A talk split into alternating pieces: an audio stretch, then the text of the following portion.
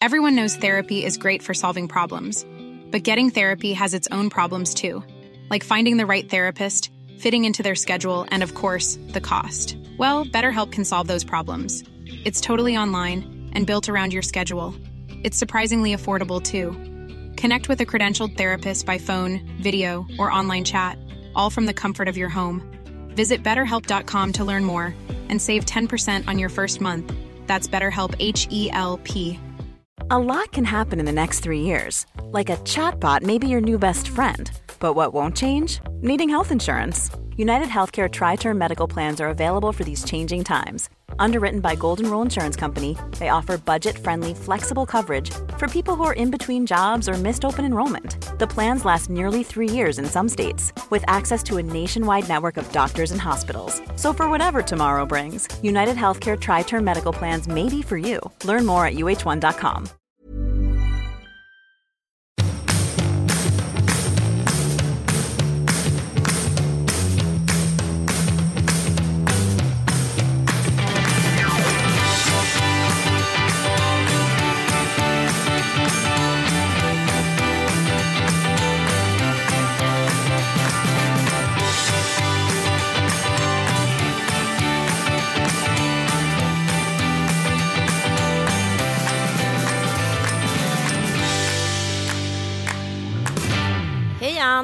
var Gotland? November. Mm. Jag bara tänkte på en sak.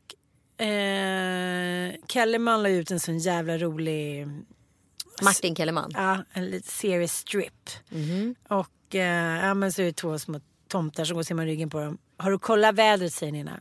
Ja det ska bli, bli regn resten av livet. Och så och tänkte jag så här, shit, det är november. Så tänkte jag så här, fan vad mycket hemskt som har hänt i november i mitt liv. Jaså? Ja, men typ alla relationer jag någonsin haft har alltid tagit slut i november. Gud, Mm. är det sant? För mig är det så här, Det är en hemsk månad. En augusti, svart månad. september är ju Ja. alltid mina painful months. Efter en sommar. Jaha, ska det inte vara bra efter sommaren? Jo men alltså jo i och för sig. Det tog ju slut med Kalle i slutet på oktober, början på november. Ja. Fan sjukt. Börja krisa i augusti på riktigt. Men om du kollar på den där månaden rent estetiskt, november. Ja. Man tittar så här, det regnar, det är svart, det finns inga löv på träden. Det är så så här, ett kalhygge. Ja. Dystraste kalhygget. I- Ett, ett, gå omkring i ett kalhygge i helvetet. Ja men grejen är att den här färgen utomhus är ju för första gången i linje med det som sker inombords. Ja det är sant, det är sant. Men nej men det var, det var väl bra. Men det är ju hela tiden när jag åker ensam med alla fem på diverse olika mallisresor. Galenskap. och Gotland hit och dit. För att, så här, jag pratar med mig själv. På ena axeln sitter någon som säger så här, men det är för mycket begärt också i ett kallt Det är duktiga hus. flickan och apan igen. Jag vet. Så kommer jag dit och så funkar inte elen. Nej. Nej. Men det så här, det enda jag kan känna. ingen, ingen superkritik Ann, men du är ju inte planeringarnas drottning. Det är inte så att du har Nej. så här bett någon åka dit några dagar innan och säga så här, kan ni kolla elen? För du kommer förmodligen på på kvällen innan att du ska till Gotland. Nej, det har varit planerat i liksom över en månad. Men eh, jag bara tänker att allt ska funka. Ja. Det gjorde det inte. Men eh, det som sker tycker jag, det som ändå är mysigt med såna här dagar när det är så här högt och lågt, ris och ros. Det är ett, att alla måste hjälpa till för annars går det inte. Nej. Två, att det är så här i det här liksom mörkret, bokstavligen som skedde när vi kom fram, så är det som att alla utom eh, ja, en av dem steppar upp och så här, Bobo blir så här: okej, jag lyser lamporna brorsan. Ossian börjar så här, ja men du vet elda och hit och dit. Man tajtas ju ihop på något sätt, hur, även fast man inte tänker på det. Ja, men jag har ju haft några såna kaosflygningar med barnen när jag varit själv. Mm. Och jävlar vad stora de blir. Alltså, och, men bara egentligen att vi bara är vi tre. Mm. Så är det ju som natt och dag från när Joel är hemma. För då kan ju liksom, men så är det väl med Mattias också. Då kan de ju spela ut hela registret. Och sen så när de när den personen går ur dörren då är det som att så här, du vet typen som en Tom och Jerry scen. Ah. När liksom så här, när allting bara förändras. Ah. Man bara vad var det som hände precis? Det är en helt annan stämning här hemma. Men, men det var ändå så här, superhärligt och det var jättefint väder. Men sen är det så ska man plocka in allting på gården. Det är ju faktiskt bokstavligen en jävla gård vi har. Ja. Och alla mina blommor och alla utemöbler och grejer ska eldas hit och dit. Du vet, jag bara kände så här hela dagen igår. Jag bara, nej men nu får jag fick en, liksom, en liten panikångestattack. Nu, så jag var så slut. Just också för att man sover dåligt, det är kallt, man måste rodda med allting. Och så vill jag vara lite storsint när Mattias kommer i fredags då. Så jag sa, men du kan åka till Martin och basta och dricka lite öl direkt så fixar jag middagen.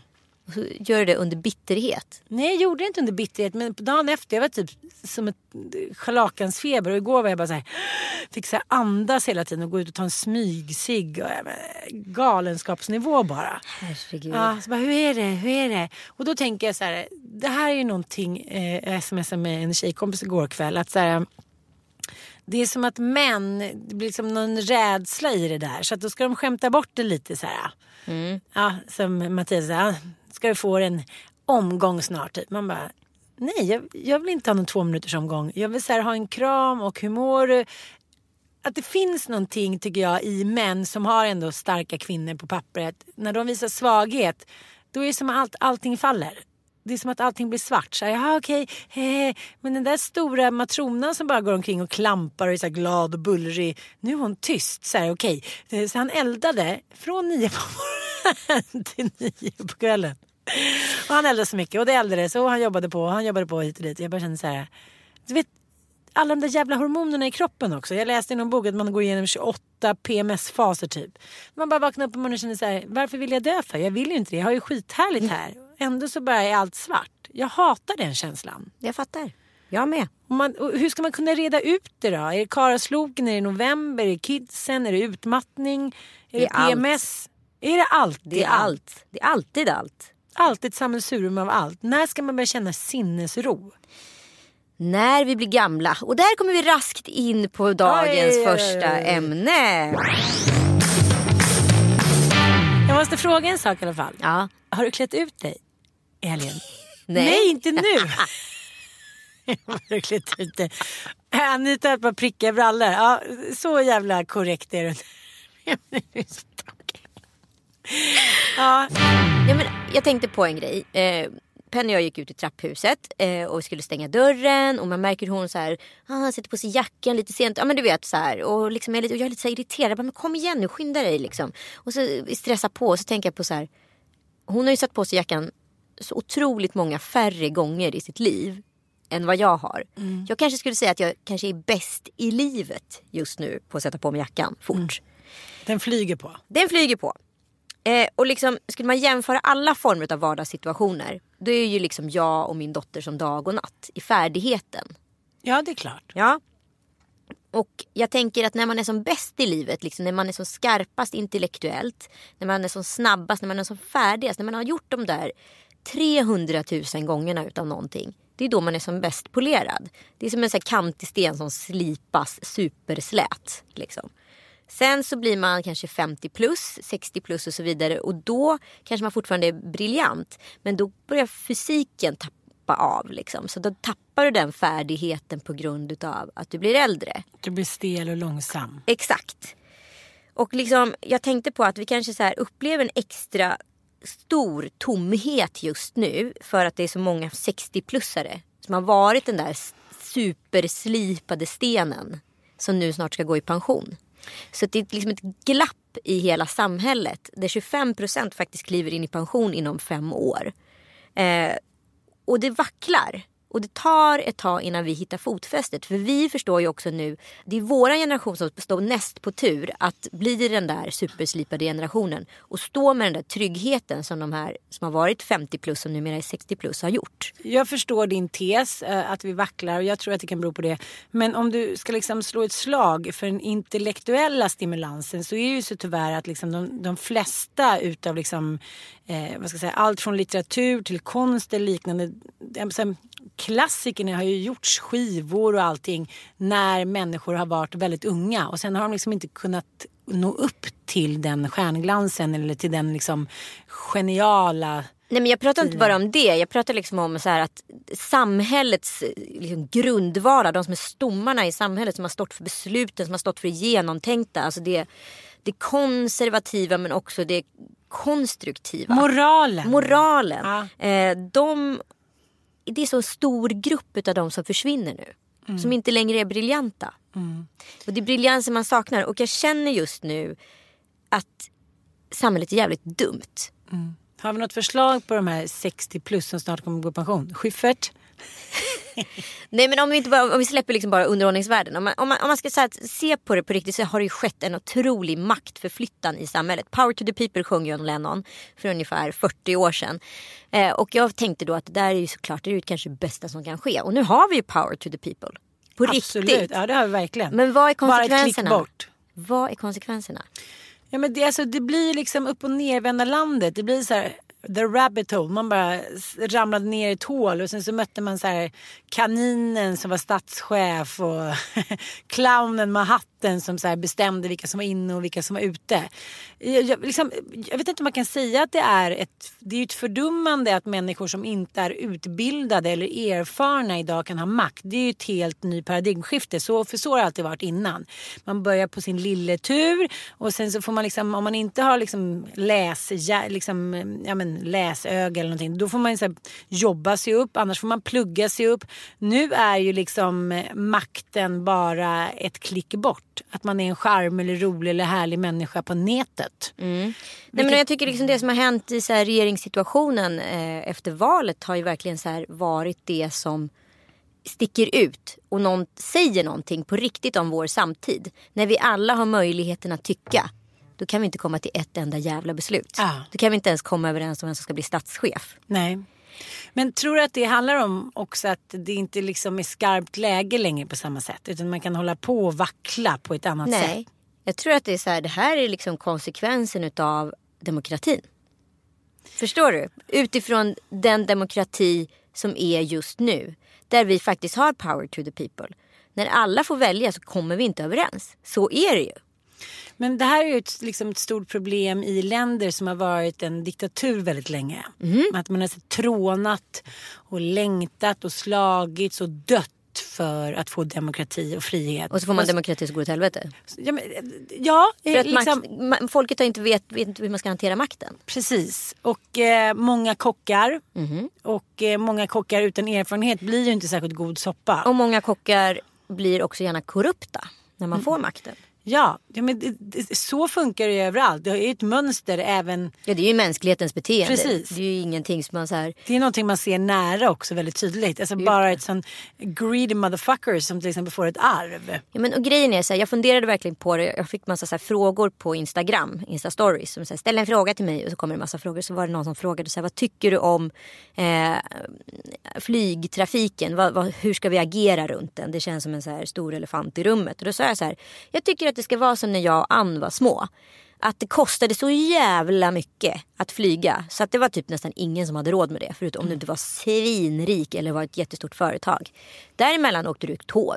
Det var inte Eller bil. railkort. Mycket bilar till Spanien Ja, mycket bilar till Spanien. Men liksom, för det var lösningen just då på miljösituationen. Nej, men, och då tänkte jag så här, Eh, men det är väl klart att så här, vi måste göra på samma sätt. Det är enda sättet. Höj flygpriserna tills vi har löst det antingen med biobränsle i flygplanen eller till Elon Musk har byggt sina underjordiska tåg som ska i hög hastighet. Men eh, då blev folk så jätteprovocerade och upprörda för att jag sa det här på, på ja, Instastory. Så jag fick massa DM. Bara, Jaha, men jag har en syster som bor i Spanien. Hur ska jag träffa henne då hade du tänkt? Om det bara blir en överklassfråga. Då är det såklart att folk te- förutsätter att jag då ska kunna tänka att jag har råd med det här. Eftersom de folk anser att jag är överklass. Och det var ju inte det som är problemet här. Vi pratar om att så här, antingen rädda planeten eller lösa logistiken. Vi har ju aldrig haft den möjligheten. När vi var små fanns det ju inte ens på kartan att vi skulle kunna åka till USA och plugga. För det var ett så distanserat mål. Alltså det var ju sånt som väldigt, väldigt extremt rika människor gjorde. Eh, vi däremellan, vi fick ju sticka till Paris eller till London. Det var ju inom den räckvidden saker och ting. Eller åka och vara au pairs. Ja, jo men och det kunde man ju vara. Ja. Förnedrad form, man tjänade typ 30 kronor i veckan och så jobbade dygnet runt. Jo men samtidigt så är det ju det det handlar om. Och då tänkte jag på egentligen på vad de här svaren innebar för att folk blir så upprörda. Och det är ju liksom att vi alla har ju blivit superkapitalister. Ja. Det handlar ju, Alla. ja allihopa. Fan, en fyraåring är ju en superkapitalist idag. Ja, vi är svinego. Vi ser bara till oss själva, till oss och familjen eller vad som är viktigt och vad som är viktigt för oss. Vi tar hela tiden, allting är sprunget ut för oss. Aha, passar inte det här dig? Men det passar mig. Då ska vi vara här på det här sättet. Nej men då vill inte jag. Och så håller det på sådär. Och så tänkte jag på en sån här skittöntig metafor runt det här. Eh, jag tänkte på när jag var på Elgalan för första gången för kanske tio år sedan och jag såg liksom de här coola, coola så här kreatörerna sitta där på front row och man var så här, fan dit vill jag en vacker dag. Alltså shit, dit vill jag.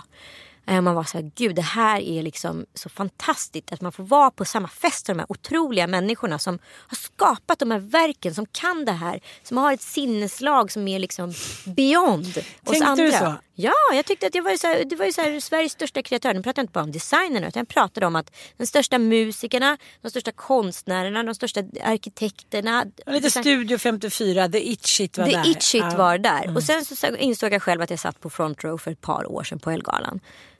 Men då insåg jag att på raden bakom sitter de här gamla makthavarna som jag såg upp till. Och de sitter där för att de är i behov utav mig. Att jag dokumenterar med min telefon. Så att de får eh, media. Mm. Så att de blir liksom offentlig. Så makten har alltså förflyttats från dem till mig, det vill säga folket. Jag sitter inte där för att jag är en av de stora tänkarna utan jag sitter där för att jag har makten. Och jag fick något sånt otroligt själväckel för det där. Och så satt jag och kollade på Ex on the beach häromdagen. Och så såg jag liksom någon feed som gick om Ex on the beach. Jag var inne på taggen och kollade. Och- när jag kollade på Ex on the beach första gången då kollade jag det programmet ur ett underhållningssyfte. Lika som, som Bachelor eller Bachelorette. Och man tyckte så här. Hur kan de ställa upp? Och herregud vad de håller på. det var ju verkligen så. Det var ju inte vem som helst som ställde upp Nej, så. idag turnerar ju de här olika dokudeltagarna runt i olika såpor. Och är, har runt 100 000 följare. De är makthavare.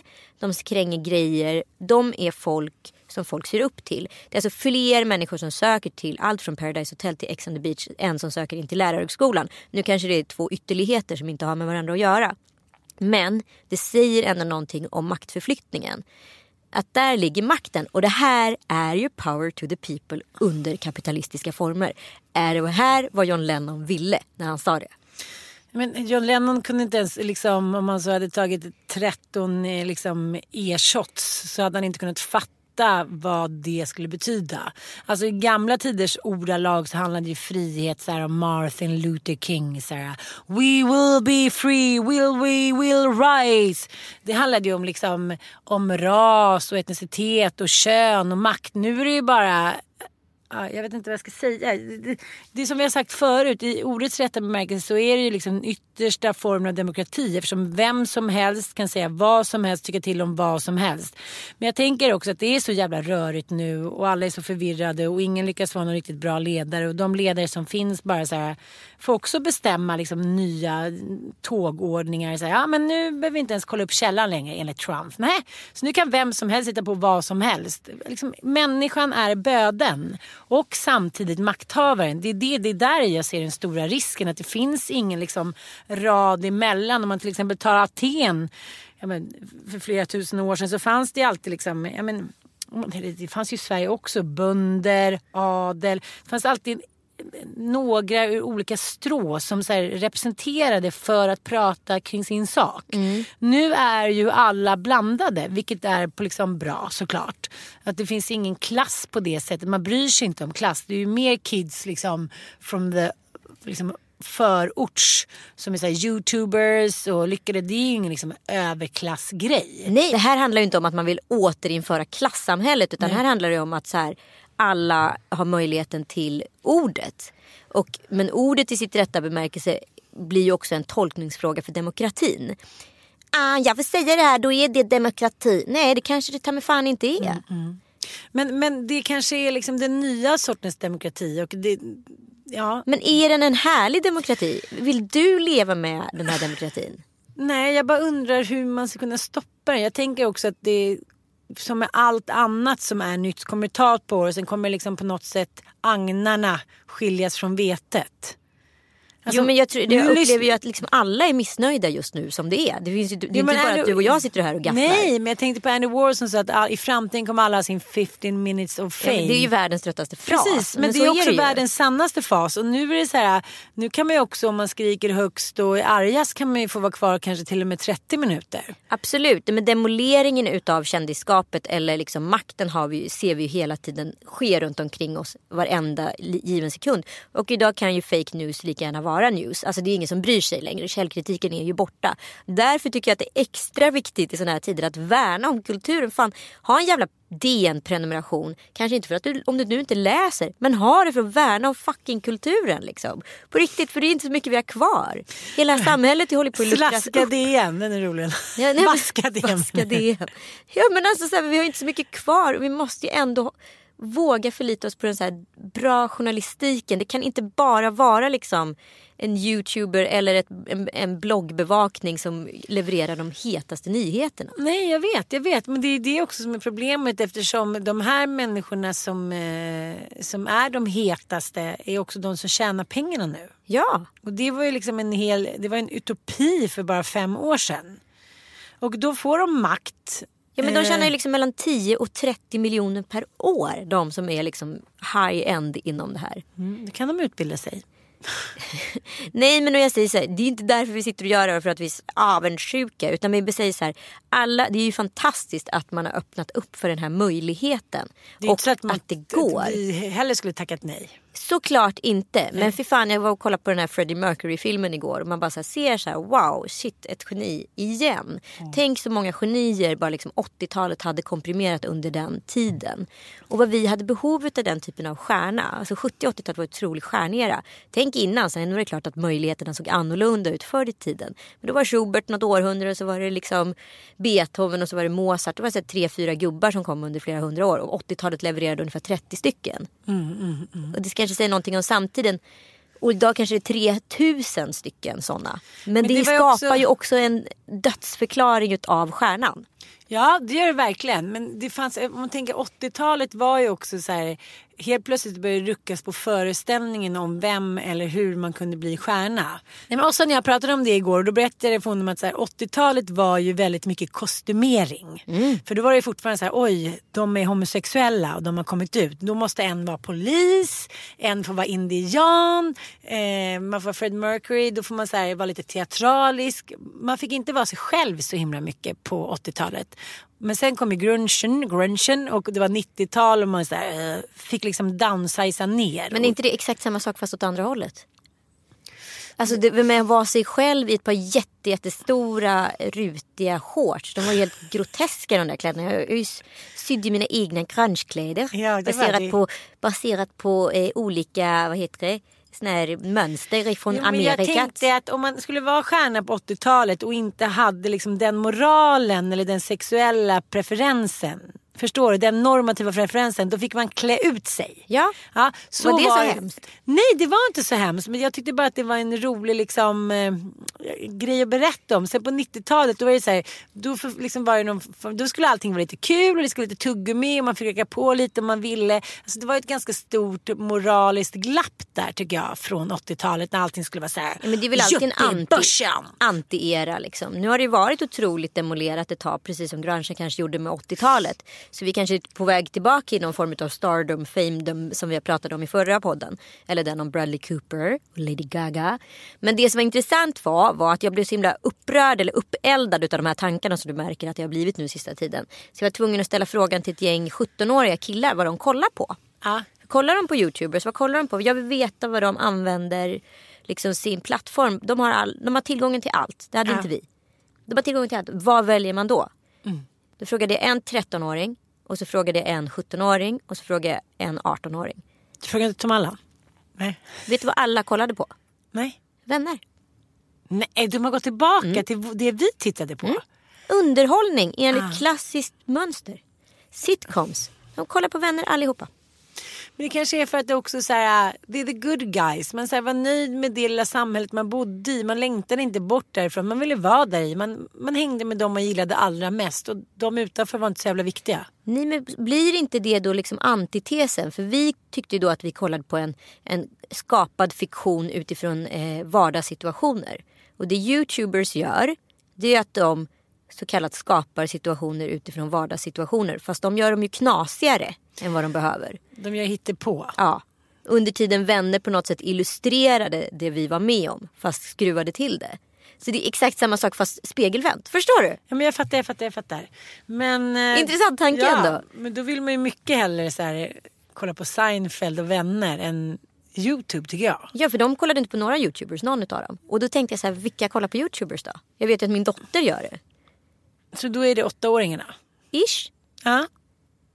Jag säger inte att det bara är det. Jag, Tom Allan kollar också men han är ju yngre. Jag har ju inga barn som är äldre. Vad kollar dina söner på? Eh, de kollar på fotboll och spel. Nej, de kollar inte heller på youtubers. Vem kollar på youtubers? De kollar på filmer. Jag vet det måste i alla fall vara miljoner som gör det eftersom det är miljoner som kollar. Jo men jag tänker att den enda ålder man också har möjligheten att ha extremt stora fans i kopplat till när jag själv var liten. Det var ju när jag liksom var besatt av Carola och Herreys och då var jag ju 7-8 år. Sen försvinner ju den besattheten. Mm. Det smärtar ju med att vara så här gammal som vi är. Mm. Att inse att vattnet inte är hett längre. Det är bara mm. ljummet. Mm. Och den känslan i kroppen gör ju ont. Man fryser när man kliver i. Ja men jag fattar. Men, men du vill säga att så här, det här fördummande samhället som pågår nu. Det kommer vi liksom, det kan vi motverka genom att så här, verkligen slå ett slag för kulturen. Ja. Jo men är vi rätt personer som slår ett slag för kulturen? Det då? vet jag inte. Jag, säger inte jag, jag hissar inte upp mig själv till någon höjd här. Jag säger mm. bara att jag diskuterar utifrån ett samhällsperspektiv. Jag säger att man kanske inte ska lyssna på våran podd för att vi är dumma.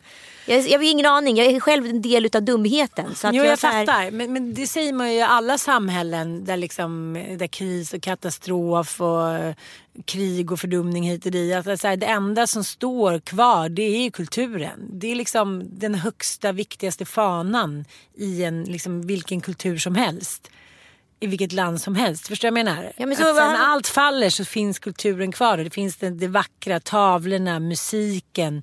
Ha era jävla ljudböcker, ha era jävla tidningar online. Bara men gör det, köp det, fixa det, lyssna på musiken igen, plocka gå på museum. in. Ja men gå på konserter, alltså så här, Se våra gamla in. byggnader, kyrkan. Upplev. Kyrkorna. Ja jag vet. Men jag vet inte, det känns som att liksom hela världen går omkring med ångest just nu. Ja men så är det ju. Ja. grejen är ju så här. Jag är inte van vid det. Jag, liksom, jag kan inte hantera det här. Det här är som en jävla apokalypskänsla. Att man går omkring och det är så här, man vaknar upp och vet inte vad man vaknar upp till. Och det handlar inte om att, att man själv lever liksom under någon form av krig eller svält någonting. Det handlar ju mer om den där sfären du pratar om. Att man inte längre vet vem som står för det ädla. Precis och liksom det är ju så här allting vi ser på tv-serier och allting som beställs i framtiden är ju dystopier. Och jag, mm. så här, just nu jag så här, börjar kolla på nya säsongen av House of Cards och jag bara så här, inte en dystopi till. Jag, jag pallar inte att se att makten är så korrupt. Mm. Jag vill inte veta för jag mår inget bra av det. Jag vill lita på makten och det kan mm. jag inte göra när jag tittar på House of Cards. Fan vad intressant. Det är så här, alla de jävla tv-serierna har liksom fått oss att inse att vi har haft våra förebilder och idoler men alla var liksom... Vi demolerade ner dem precis, precis. som vi plockade ner Stalin på liksom backen från statyn. Eller Mao. Ja och sen, så, och sen så nu när vi liksom har makten då vet vi inte vad vi ska göra med den. Men fan, det där är ju sånt så här, mänsklig liksom, persona. Att, ta till exempel Winnie Mandela. Mm. Som var så här, så, jag menar, hon, hon, stod för allt som var bra. Och sen så blev mannen hon älskade liksom oskyldigt dömd och liksom hamnade i fängelse. Och hon stod där själv med makten och visste inte vad hon skulle göra. Och hon blev också korrupt. Mm. Så, säg den som inte blir det, som får liksom, tillfället i akt. Men då är vi tillbaka till syvende och sist där vi började med. Det här är ju den perfekta kapitalismen. Folket har makten och alla blir korrupta. Vi lever i någon form av kleptokrati nu. För att använda liksom, eh, avancerade, avancerade begrepp. Alla skäl från alla och ingen äger något. Okej, okay, vi måste alltså tillbaka till 70-talet och hippie. Och... Men vi måste åtminstone skapa någon form av maktstruktur igen. Där någon säger så här, det här är rätt, det här är fel. Så får man göra och så får man inte göra. För nu är det liksom någon form av så här anarki på på nätet och liksom fake news i nyheterna mm. etc. Det är klart mm. att till sist så här, vem fan kan vi lita på mm. liksom. Mm. Och det var ju man gör på, på 70-talet med så jag vet, inte vad som är, jag vet inte vad som är svaret. Jag bara känner att så här, Men det något måste ske. Det verkar finnas, så, det finns ju så få ädla moraliska människor kvar. Ja. Och det har ju också mycket att göra med att Gud är död, liksom länge lever Gud. Att det är så här, ja, när inte hen finns där uppe som säger åt oss vad är rätt och fel. Då kan vi liksom hitta på lite hur som helst. Då är vi alla minipsykopater. Såklart. Ja. Så vi kanske och måste... narcissister. Vi kanske ska skapa en ny religion. Narcissistreligionen. Nej men läste du den här jättesann... Jag var ju en forskare på Skavlan nu i helgen och så såg jag att Karin Boys hade liksom eh, kritiserat hans medverkan lite för eh, Jordan B. Peterson heter han. Han är en stor liksom, forskare om eh, eh, vad ska man kalla, jämställdhet över världen och olika liksom, parametrar åt olika håll. Eh, och det har gjorts en jättestor gallup med, med 80 000 deltagare världen över ur alla samhällsskikt, alla statsskikt etc. Och där mätte man jämställdheten på olika sätt. Sen tror jag inte att den här forskningen blir relevant till 100% för att allt ser olika ut i världen just nu på ett sätt som det inte gjort tidigare. Men då insåg man i alla fall att de länder som per definition då ska klassificeras som mest jämställda, typ Sverige, Schweiz, eh, Holland, bla bla bla.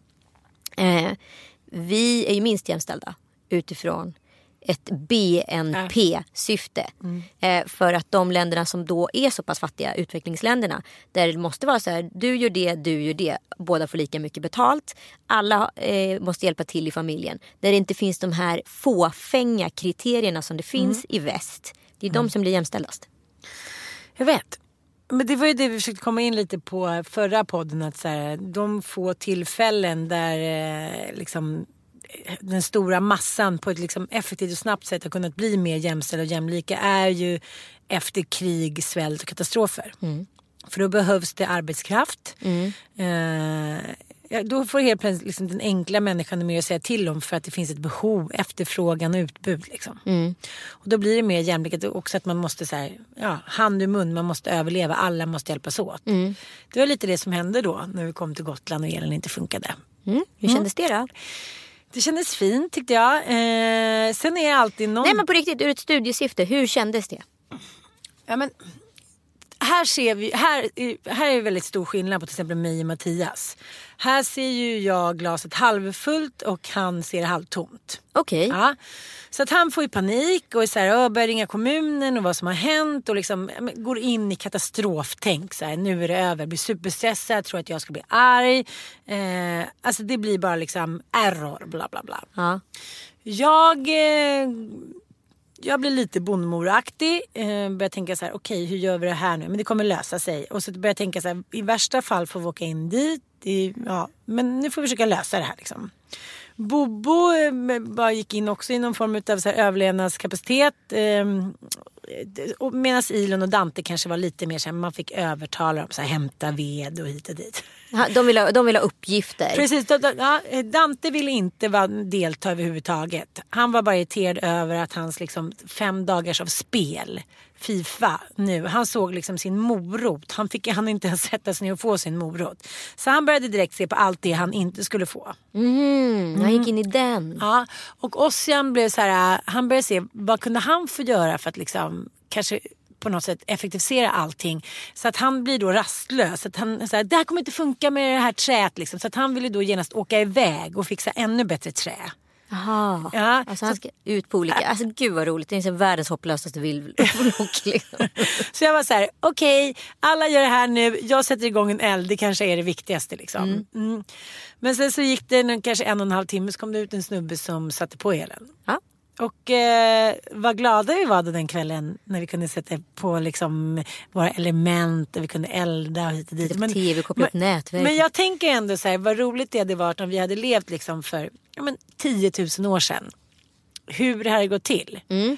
För hur vi är så himla olika allihopa. För liksom, rent huvudknoppsmässigt så är Dante den smartaste av oss. Okej. Men det är han bortskämd med. Så han liksom... Ja men tillbaka till det vi har pratat om i en annan podd. Bondehjärnan Ja. och den fragila filosofhjärnan. Mm. Att de här två hjärnorna behöver ju varandra. För den fragila hjärnan, som, i och med att människan har blivit smartare och smartare och smartare så är vi mer fragila hjärnor än bondehjärnor. Och egentligen ska det vara en 50-50 fördelning på det här.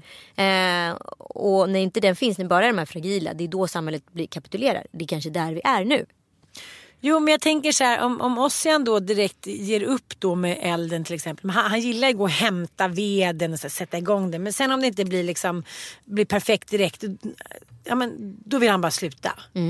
Liksom inget tålamod. Jag är ingen tålamod person heller. Men jag tänker så här. Det kommer ju alltid funka till slut. Liksom, hur, det är inte så att vi är liksom ute på Alltså det är inte Andres luftballongfärd. Det är inte så att vi, vi hamnar miss liksom åt helvete med tre konserver och en halvdöd hund. Utan vi är liksom i den bästa av världar. Ja. Och därför kan jag ändå bli förvånad över att så många människor liksom får error under minikatastrofsituationer. Tänker så här, vad fan är grejen? Gud, det var, kom upp ett dilemma här som jag måste bara dryfta med dig. Eh, som jag tycker är så spännande. Det finns nämligen en väldigt exklusiv datingapp som heter Raya. Och det är bara en sån här eh, app som man måste bli godkänd på. Otro- Indisk adel. Ja, det, tar det tar lång tid att bli medlem och du ska rekommenderas från x antal personer. Ja, men det är verkligen ett, liksom ett litet superexklusivt nätverk. Du ser många liksom, topp eh, top dogs inom det här nätverket. Allt från elitfotbollsspelare till liksom, eh, bankirer etc.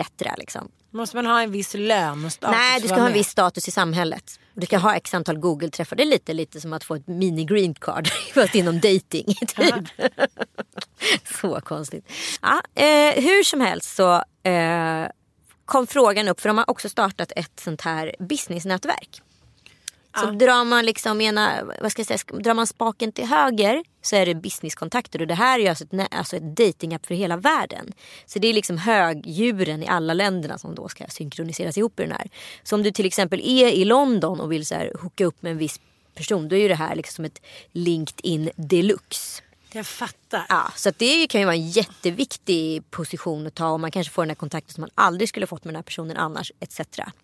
Men drar du spaken åt vänster då är det en då Det här är inte en metafor utan det är verkligen så. Ja det är så. Okej, ja, ja. Eh, nu vet jag inte om det är höger eller vänster men Nej, det, det är så det funkar. Liksom. Och då tänker jag så här, då var det någon som frågade så här, men skulle du låta Joel ha Raja? Och jag bara så här, nej såklart inte. Ja, men då är inte du någon tillit till honom. Jag bara, var jag så här, okej, är jag ego nu? Är det här dumdristeri eller är det uppmaning, förstår du, till brott? Och var, var går gränsen? Om det bara är en spak åt höger eller en spak åt vänster. Om jag nu sitter i London själv, har det här så kallade businessnätverket. Vad får mig då klockan tio på kvällen när jag tagit tre drinkar att inte bara liksom switcha över till det andra? Ja, vad får dig att inte göra det? Bra fråga. Ja, men vad säger du? Nej, men jag tycker det är så himla svårt. För att eh, dels handlar det om att eh, man måste ju också så här, lära känna sig själv lite grann.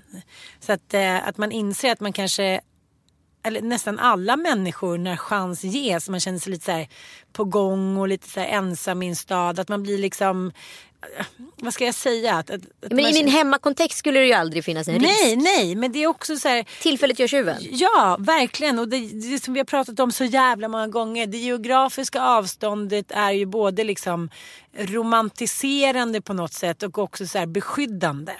Att så här, ingen ser, ingen hör, jag är ensam. Det är liksom eh, lite voyage. Ja, man känner sig lite extra sexig. Man kanske så här, går och tar en drink själv och man lever liksom lite Paris 39. Ja men du vet. Jag fattar, ja. Man sätts ganska snabbt igång med en känsla. Dels handlar det ju om att, eh, att människan liksom älskar vackra saker, eh, drivs av en lust att vara med om äventyr, kan vara med om äventyr i de flesta delar av världen. Så att det är så här, okej, här ligger jag ensam på hotellet och så kan jag så här doppa syltburken om jag sylta lite till höger eller kan jag ligga kvar här och inte göra det. Jag känner mig själv ganska bra. Jag skulle nog, liksom, jag skulle nog behöva stå emot helt. Alltså, man måste ju bara veta med sig att så här, don't even go there. Ja men alltså så här, är jag en dålig respektive ifall jag inte låter honom ha den här appen? Är jag eh, en svartsjuking eller är jag bara dumdristig som låter honom ha appen eller inte? Dels så är det så här, om, om, om, liksom, om Joel vill liksom dejta någon eller vara otrogen med någon då kan ju du sitta och hålla honom liksom i bälte och han kan ändå göra det. Såklart. Så att egentligen så är det så här, får eller får inte, det, det är så här frågor som det gillar inte Man får ju liksom eh, ta ansvar själv men jag skulle nog tycka att det var lite så här Jaha, men varför, varför vill du det skulle jag nog säga. Så här, ställa frågan mer så här, tycker du att det där är viktigt? Ja, men nu, nu, alltså, nu finns ju inte den här frågan Nej, överhuvudtaget jag fattar, på riktigt. Jag fattar. Men, men, men alltså, det, det, Fast då måste jag nog gå tillbaka till mig själv. Att jag kanske själv skulle ha lite svårt att hantera det. Ja precis för att eh, jag skulle nog inte klara av det. Nej, swish. Swish. Ja men alltså bara för att gå in och kika lite på andra sidan. Det är väl kul. Ja, och så helt plötsligt vad händer då, då om du får en träff? Och sen så vet det någon som så skriver något trevligt till dig. Kommer mm. du svara den personen då eller kommer du inte svara den personen? Jag tror också just att det är en sån dejtingsajt. För i alla, så här, i alla liksom undersökningar hit och dit så, så säger man ju att ett, framgångsrika män vill inte ha framgångsrika kvinnor. Mm. Men om det bara då är lite knullerull, lite dejting och man är i en annan stad. Då är det så perfekt att ha någon som man tycker är smart och framgångsrik och snygg. Liksom. Såklart. Ja, så moraliskt dilemma. Moraliskt, moraliskt dilemma. dilemma. Men, men, det förvånar mig så jäkla ofta när man liksom pratar med vänner, läser historier eller ser på nätet eller Flashback eller vad man nu är inne och snokar. Att, så här, att människor ändå har sån jävla tillit. Men samtidigt, jag har så många vänner som säger så här, ja men han eller hon, hon skulle aldrig göra någonting mot mig, aldrig vara otrogen, aldrig hit och dit. Och sen så i somras träffade jag en kvinna som jag känner lite så flyktigt från Gotland. Och hon var så här, hon har alltid snackat skit om sin karlaslog. Han är så tråkig, han är så seg och han är så trä. Och... Man bara säger okej okay, vänta jag ska bara hämta en spypåse för nu orkar inte jag liksom torka upp efter det nu har gått. Liksom, hon var helt chockad, hon var liksom glasödrad. Hon hade då blivit lämnad av sin man som hade någon riktigt het sexrelation med någon annan kvinna och bara så här, vet du, nu har du liksom bajsat på mig i tio år. Det räckte? Nu, ja, det räckte, har det så bra. Och du vet hennes chock att liksom hon var ju den som bajsade på honom. Ja. Och så nu så kackade han tillbaka i, liksom, i eget bo. Det var så chockartat för henne. Att människan tror att man kan behandla någon så himla dåligt år efter att de aldrig ska göra revolution. Alltså det, det är bara att kolla historien. Att människan liksom, ja man fogar sig, man fogar sig, man fogar sig. Till slut så blir man så arg och galen och illusionslös att man bara så här, skiter fan i om man dör. Bara man så här, ställer sig upp och försöker ta sin frihet.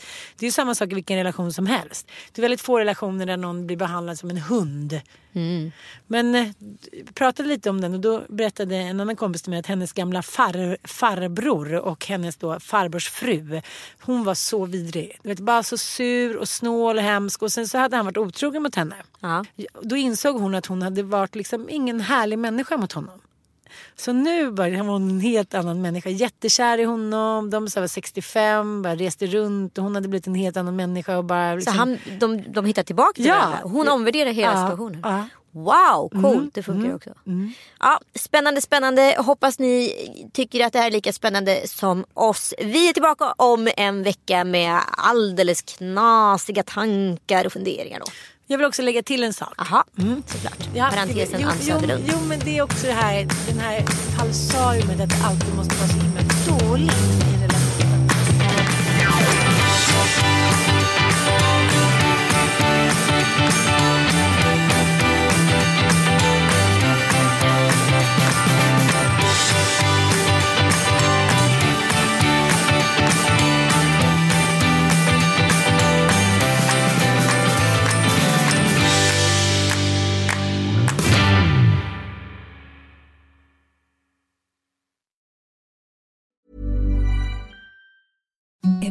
the softest sheets you've ever felt. Now imagine them getting even softer over time. That's what you'll feel with Bowl and Branch's organic cotton sheets. In a recent customer survey, 96% replied that Bowl and Branch sheets get softer with every wash. Start getting your best night's sleep in these sheets that get softer and softer for years to come. Try their sheets with a 30-night guarantee. Plus, get 15% off your first order at bowlandbranch.com. Code BUTTERY. Exclusions apply. See site for details. Planning for your next trip? Elevate your travel style with Quince. Quince has all the jet setting essentials you'll want for your next getaway, like European linen, premium luggage options, buttery soft Italian leather bags, and so much more. And is all priced at 50 to 80% less than similar brands. Plus, Quince only works with factories that use safe and ethical manufacturing practices. Pack your bags with high-quality essentials you'll be wearing for vacations to come with Quince. Go to quince.com slash pack for free shipping and 365-day returns.